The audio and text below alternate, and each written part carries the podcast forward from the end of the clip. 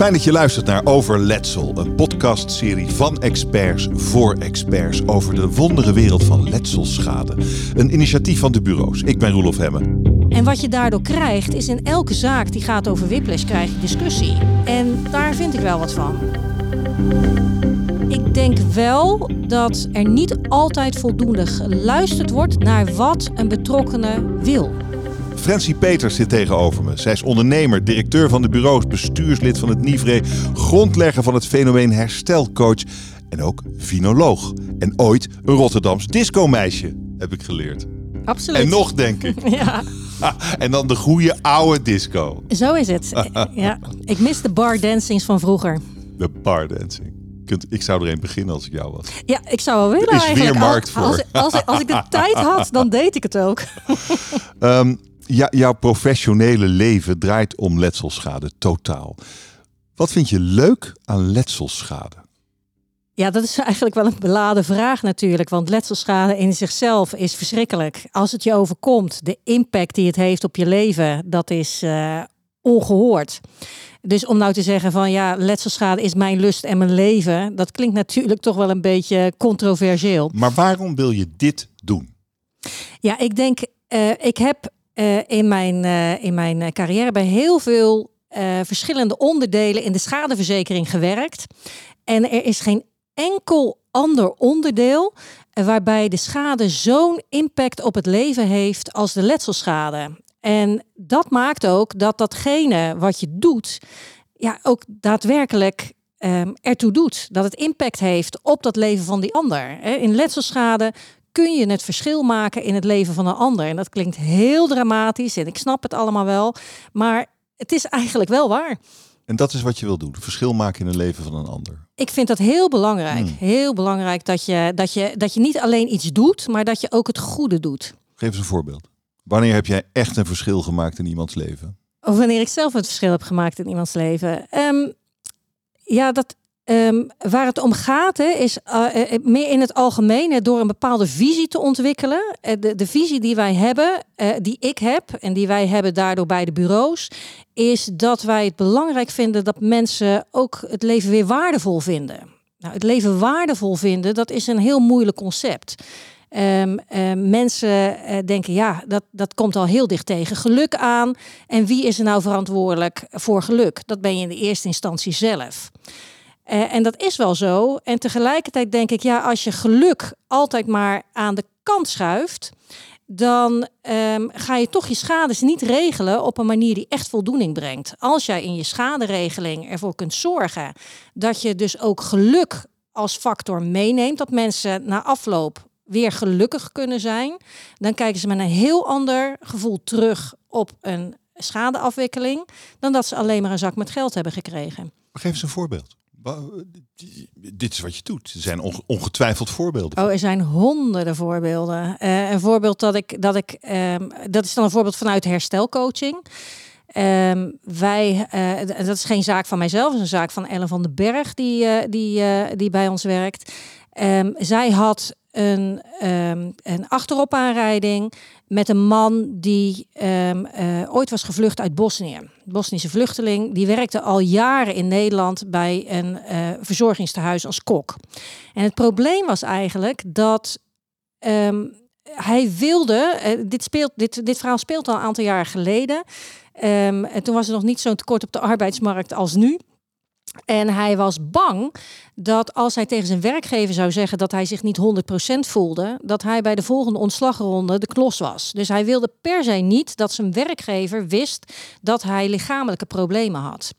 En ehm, daardoor werd er een herstelcoach ingeschakeld. En wat bleek dus? Ehm, ja, hij had allerlei niet objectiveerbare klachten. En dan kun je je echt voorstellen dat in een traditionele setting, dat je dan een hele discussie krijgt over, ja, komen die klachten nu wel van dat ongeval? Of komen ze eigenlijk vanuit dat trauma in hè, wat je ooit hebt meegemaakt in Bosnië? Nou, eh, die zaak die is opgepakt door Ellen. En ehm, wat zij heeft gedaan is, is met die man in gesprek gegaan.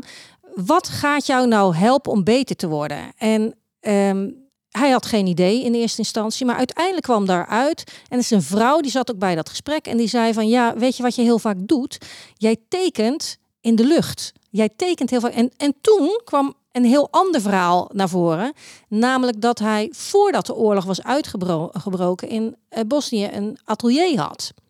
En toen de oorlog er was, is dat atelier afgebrand. En um, hij had ook een droom. Hij wilde naar de kunstacademie. En hij heeft na die oorlog nooit meer getekend. En hij is kok geworden. En wat gebeurde er in dat verhaal? Um, dat tekenen, als hij daarover sprak, dan kwam er toch weer energie naar boven. Dan kwam er weer een bepaalde vorm van beweging. Dus hij is gaan tekenen. En um, door dat tekenen Um, um, ik, ja, en dat heb je allemaal wel eens. Hè? Dus als je bezig bent met dingen die je echt leuk vindt, dan komt de energie los. Dan is de pijn die je ook voelt minder. En vanuit dat tekenen kwam er weer beweging. En uiteindelijk kon die zaak afgewikkeld worden in drie kwart jaar. En wat ik er dan het mooie vind, en dan kom ik bij geluk, hè, want het is een heel mhm. lang voorbeeld om, mhm. om, om, om te verduidelijken wat ik bedoel. Aan het einde van de rit heeft de, deze achterop aanrijding deze man ook wat gebracht. Hij, het is niet, als hij terugkijkt, dan is het niet alleen van, oh wat vervelend dat dit mij is overkomen. Maar hij heeft er ook iets voor teruggekregen. Hij tekent weer. Dus, uh, en, en dat, ja, dat geeft mij zo'n voldoening dat vanuit de visie die wij hebben, hè, dat je dus ook aandacht moet besteden aan andere zaken dan alleen dat lichamelijke, dat hij daardoor, ja, daardoor hebben wij echt het verschil kunnen maken in het leven van deze man. Ook al uh, als, je, als je bekijkt dat het alternatief was een hele lange discussie over of deze klachten nou wel ongevalsgerelateerd waren of niet.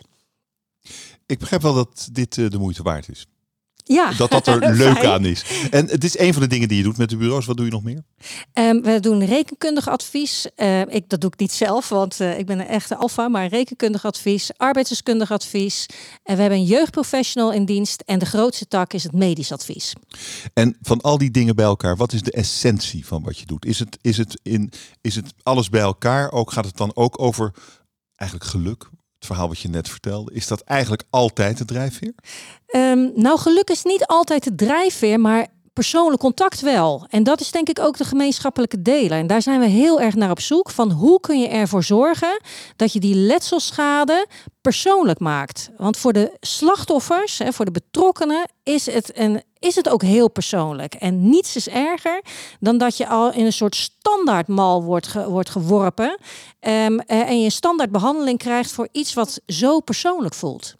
Vind, vind je dat dat is wat er mis is in jouw sector? het gebrek aan persoonlijk contact. Ik, ik, zie, ik zie opeens iets veranderen in je ogen.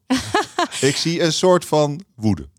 Nou, en, uh, ik denk dat uh, wij heel veel persoonlijk contact hebben met de slachtoffers in de, in de hele sector. En um, de vraag is, uh, en dat is denk ik een vraag die wij, die alle letselschade professionals uh, zich af moeten vragen. Um, die de luisteraar van deze podcast zich altijd af zou moeten vragen, is: um, gaat het in dit proces ook echt om dat slachtoffer of draait het om mij? Nou, het gaat natuurlijk uh, vaak ook om heel veel geld. Ja, geld en nou, het, het is ook zakelijk. Dat, dat is ook zo. Hè? Het is, maar ook dan, ook een zakelijk proces kun je persoonlijk maken. En gebeurt dat in voldoende mate in jouw sector? Nou, Waar, um, ik denk dat iedereen de intentie heeft om het persoonlijk te maken. Dat hoor ik ook overal in onze sector. Het slachtoffer staat mhm, centraal. Mhm. En ik denk dat dat voor heel veel uh, verzekeringsmaatschappijen en belangenbehartigers het uitgangspunt is.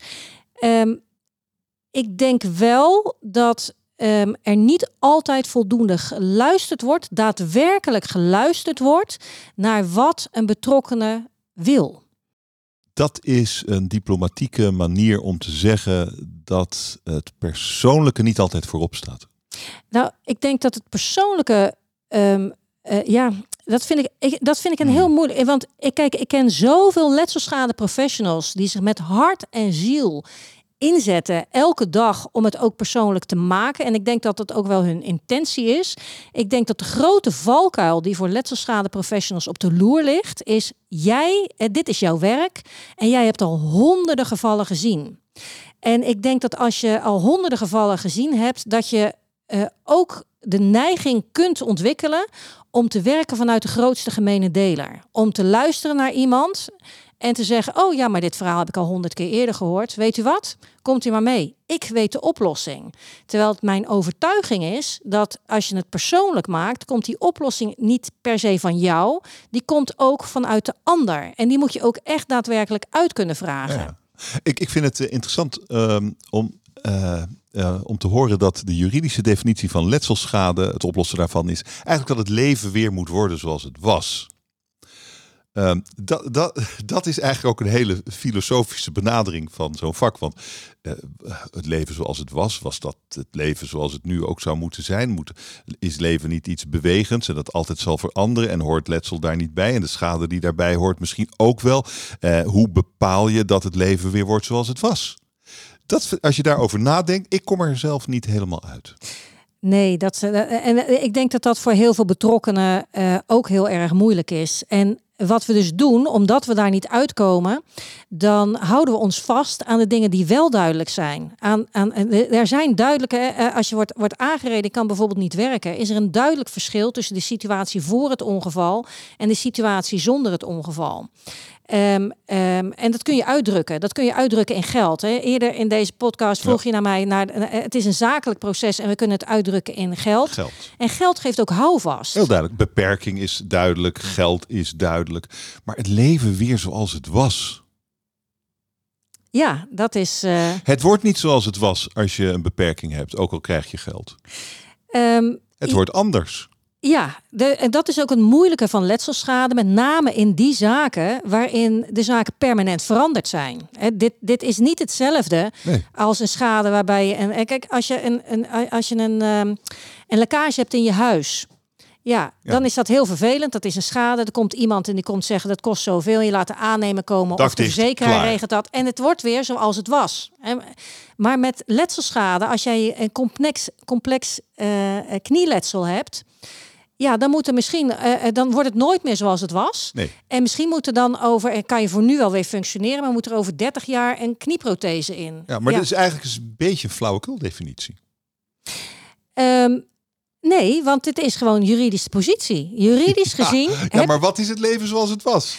Ja, dat, nou ja, dat, dat is meteen. De, ik, ik heb niet de essentie van je vak eigenlijk. I, I never said it was easy. hè? Het, het, het, dat, is het, dat is natuurlijk ook het moeilijke en het ongrijpbare. Je kunt het juridisch wel de, definiëren. En dit is ook het streven.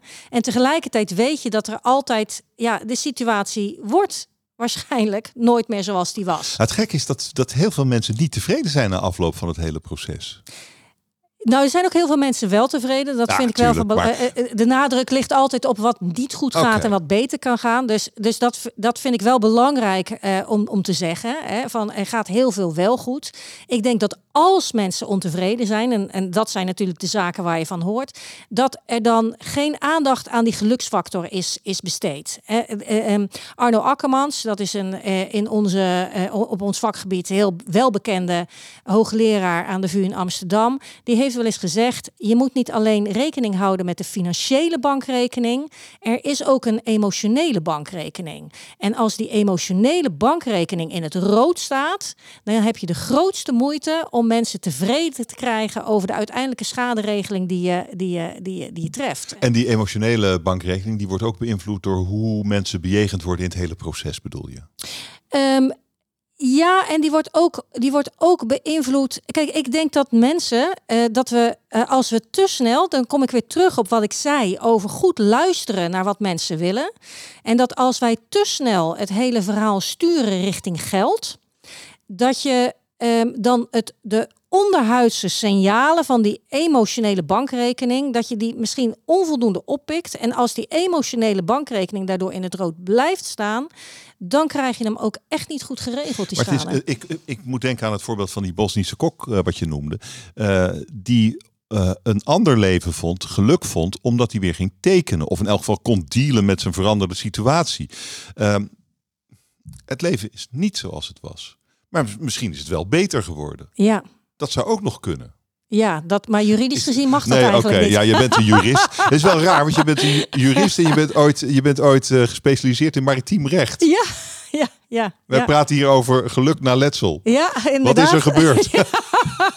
Ja, het leven is anders gelopen dan, dan, dan ik dacht. Je hebt zelf ook wel eens een keer eh, letselschade gehad, toch? Ja, dat klopt. een keer ja, eh, keihard aangereden, toch? Ja, ik ben eh, van achteren aangereden. Ja, ja, en ik ben ook wel een keer van een trap afgevallen. Dus ik heb twee keer meegemaakt. ben ik zelf in het proces. Ja, dan, dan ben jij natuurlijk wel een geduchte tegenstander voor een verzekeraar. Nou, ik hou helemaal niet van het woord tegenstander. Dat is ook een van de dingen die ik hier bij de bureaus, Oh. eh, waarvan ik heb gezegd, we, we hebben in ons vak hebben de neiging om te praten over de wederpartij.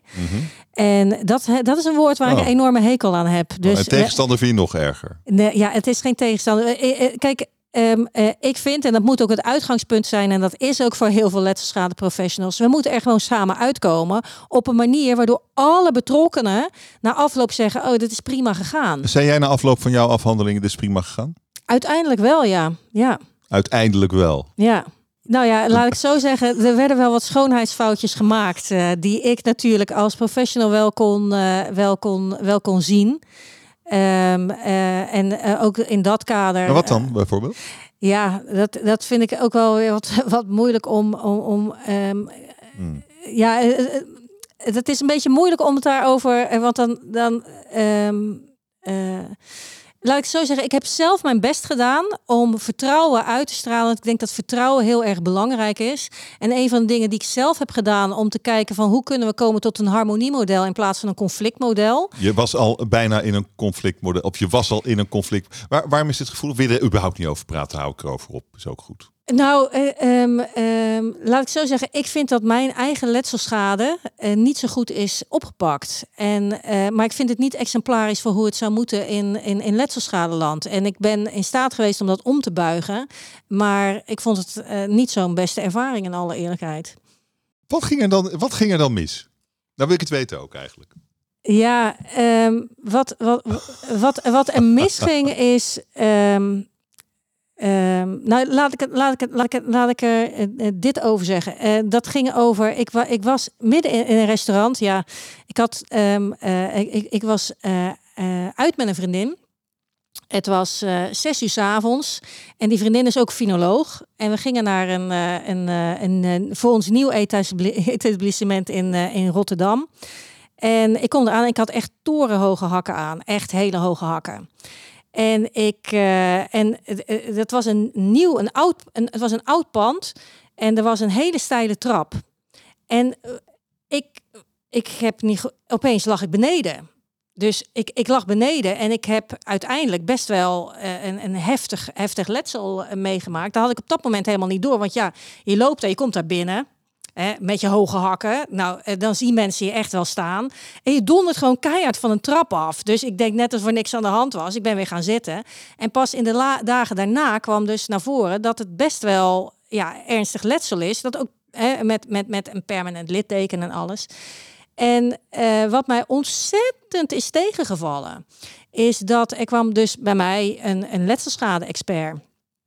En ehm, eh, die kende mij natuurlijk. Ja, ik in deze, in deze, en, die kende mij. En eh, die is bij mij op bezoek geweest. Ik heb uitgelegd wat het was. En, ehm, eh, en, en, en, en opeens krijg ik een afwijzing van de schade in de brievenbus. Met ja, dit kan nou eenmaal gebeuren. En toen dacht ik, dit kan nou eenmaal gebeuren. Dus ik nog een keer naar dat restaurant. En wat zie ik? Ik zie dat de plavuizen eh, waar, ik, waar, ik, waar ik was, die waren heel ongelijk gelegd. Dat was een oude vloer met allerlei verschillen daarin. En toen dacht ik wel bij mezelf van, ja, je hoeft voor mij niet meteen te zeggen, die, die, ik aanvaard die aansprakelijkheid. Maar om te zeggen van, er, er, zat, er zat dus een rapport bij eh, met een toedrachtsonderzoek van die letselschade-expert, waarin niets werd gezegd over het feit dat die, dat die vloer oneffen gelegd was. En ja, dat vond ik, dat, dat viel mij zo ontzettend tegen. Uh, en ik had ook geen belangenbehartiger in de arm genomen, want ik dacht, oké, okay, hier komen we samen uit. Ja, en, en, en dan denk ik, dus ik neem geen belangenbehartiger. Ik had geen eigen medisch adviseur. Ik vertrouw erop dat het goed komt. Hè. En nogmaals, dat hoeft niet mm -mm. meteen te. Ik had ook niet verwacht uh, van uh, dat ze de aansprakelijkheid zouden erkennen. Maar dat je dus plomp verloren een afwijzing in de bus krijgt met een expertiserapport waarin een toedrachtsonderzoek is gedaan, waarin foto's zitten van de vloer, maar waarbij er niet wordt gezegd dat de vloer oneffen is. Toen dacht ik, en, met, met, en dan doen ze dat bij iemand die een letselschade professional is. Ja, dat vond dat. Ja, ik vond dat heel teleurstellend. Ja, dat kan ik me voorstellen. Dat, dat klinkt wel als een soort onrecht. Als, als, als iemand dat bij jou durft te doen. Ja, wat betekent dat dan voor al die andere letselschade-slachtoffers? Ja. Jij hebt eerder ook zo'n zo'n gevoel van onrecht. Is geloof ik ook wel een rode draad in jouw leven. Eh, kan ik je eh, erg slecht tegen? Allergisch voor onrecht. Maar jij werkte ooit voor een medisch adviesbureau. Uh, en toen vroeg je je af, op een gegeven moment doen wij hier wel de juiste dingen. Waar ging dat over? Nou, dat ging over whiplash. Ik, ik, ik, uh, ik heb dus eigenlijk um, uh, want vanuit het maritieme recht ben ik de verzekeringen inge, inge, ingerold. Zo is dat eigenlijk gegaan. En uh, dus ik kwam in de schadeverzekeringen terecht. En daar heb ik verschillende, um, heb ik verschillende uh, onderdelen gezien. Dus in eerste instantie kwam ik dus op de afdeling voor scheepschades, uh, zeekasco's. Daarna kwam ik bij een, een verzekeraar van brandschades en AVB-schades te werken. Um, daarna kwam ik op de motorschadeafdeling. Dus ik heb allerlei afdelingen gezien. En in ieder geval in 2002, toen zeiden ze tegen mij... Ferencie, wil je eens... Uh, uh, we hebben een medisch advieskantoor overgenomen. Wil je daar naar kijken? Dus dat was nog even los van de letselschade. Ja. Gewoon een medisch advieskantoor. En daar, dat was mijn eerste aanraking met letselschade. Ik had daarvoor nog, nog, nog niets mee gedaan. En ik kwam daar en toen zag ik dat ongeveer 35% van de schades... die hadden te maken met whiplash. En um, ja, toen zag ik het, het, het pingpong, hè, hoe, dat, hoe dat dan gaat. En toen dacht ik wel bij mezelf, nou, de manier waarop we uh, waarop we hiermee bezig zijn. En ook de positionering van die medische adviseurs. Hè, want dat deden maar, wij. maar namelijk om, eh, om ermee om te proberen onder vergoeding uit te komen. Nee, niet wat, zozeer wat was onder... Het, nee, wat was dat nee. gepingpong dan? Nou, het gepingpong zit hem eigenlijk hierin dat we in Nederland dus uh, veelal werken met twee medische adviseurs. Die alle twee als partijdeskundigen worden ingeschakeld. En die alle twee een andere visie hebben op wat er nou precies aan de hand is met die whiplash-schades. Of een andere visie, ja, een andere, andere insteek. En wat je daardoor krijgt, is in elke zaak die gaat over whiplash, krijg je discussie.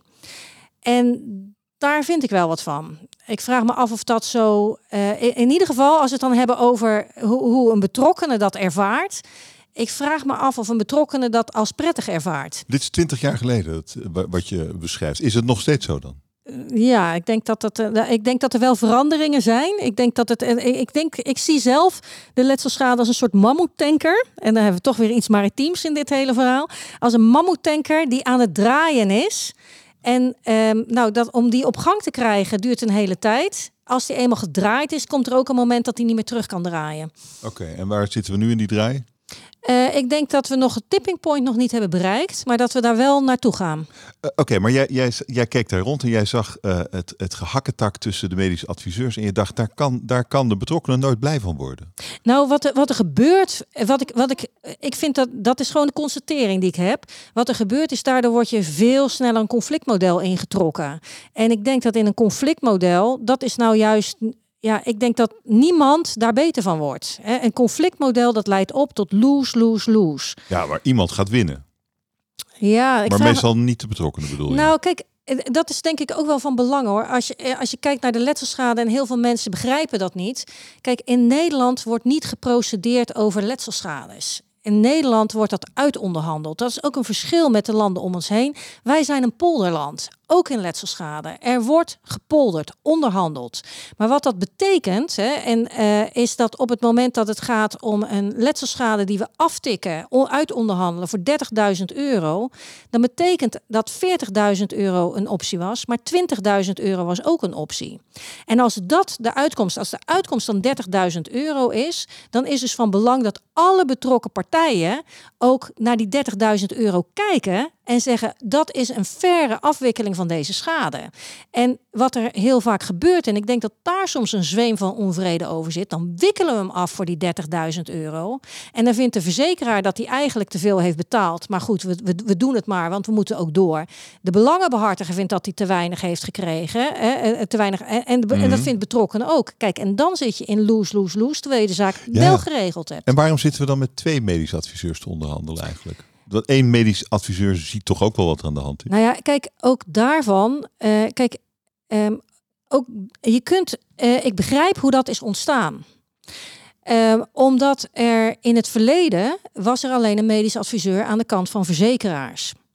En um, ja, keek, die, die keek naar die schade. En ik denk dat er in het verleden ook wel wat te makkelijk over bepaalde schades gedacht is. Ja, ja maar, maar dan krijg je dus eigenlijk een partijdige medisch adviseur. In elk geval in de ogen van de betrokkenen, zou je zeggen.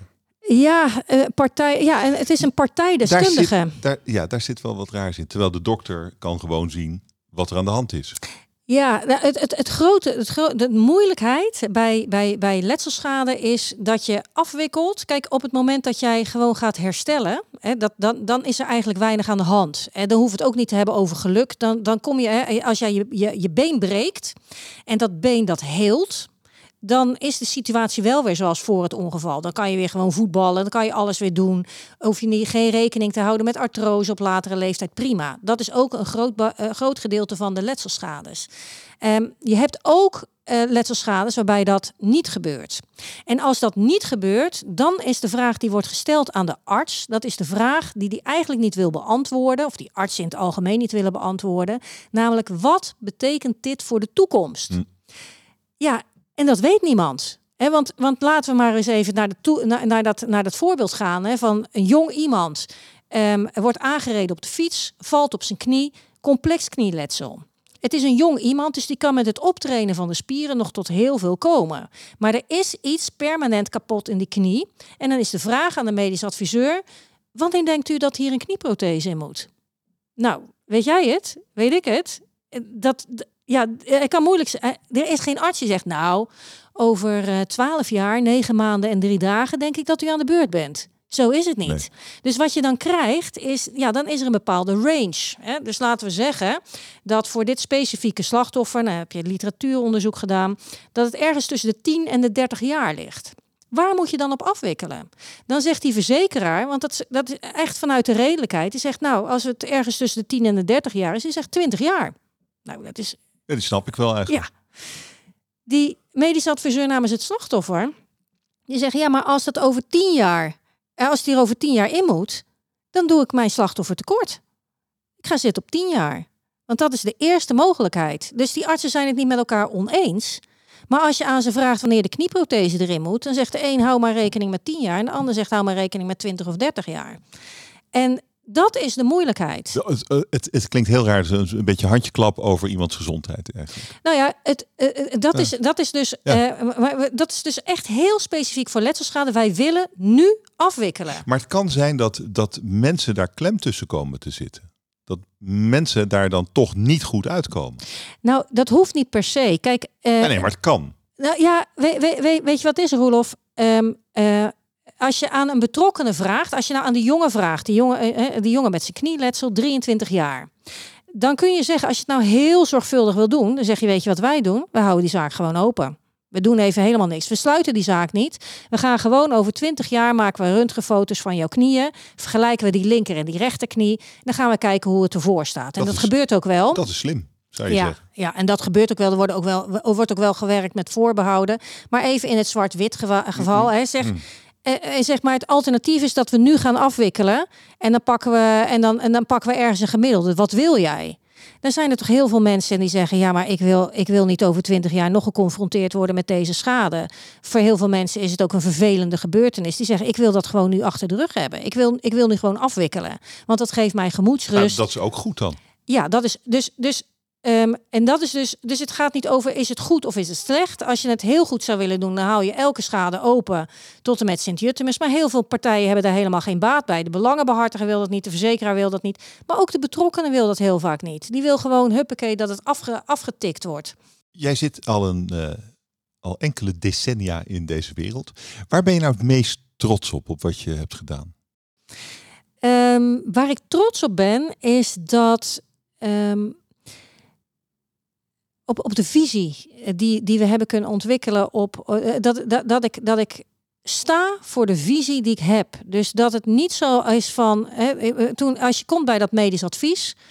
Ja, je kunt zeggen, u vraagt, wij draaien. Hè, dit zijn mijn medisch adviseur, eh, eh, eh, we- doen dat. Hè, en als u whiplash-schades, eh, als u whiplash advies wil hebben, dan geven we dat even ongeacht. En hoe wilt u het hebben? Oh, u wil een heel pessimistisch scenario. Wij leveren een heel pessimistisch scenario. Of u wilt een heel optimistisch scenario. Wij leveren wat u vraagt. Eh, daar geloof ik niet in. Wij hebben als de bureaus een bepaalde visie waar wij voor staan. En, ehm, en, en dat betekent dus dat, wij, dat het bij ons niet is, u vraagt, wij draaien.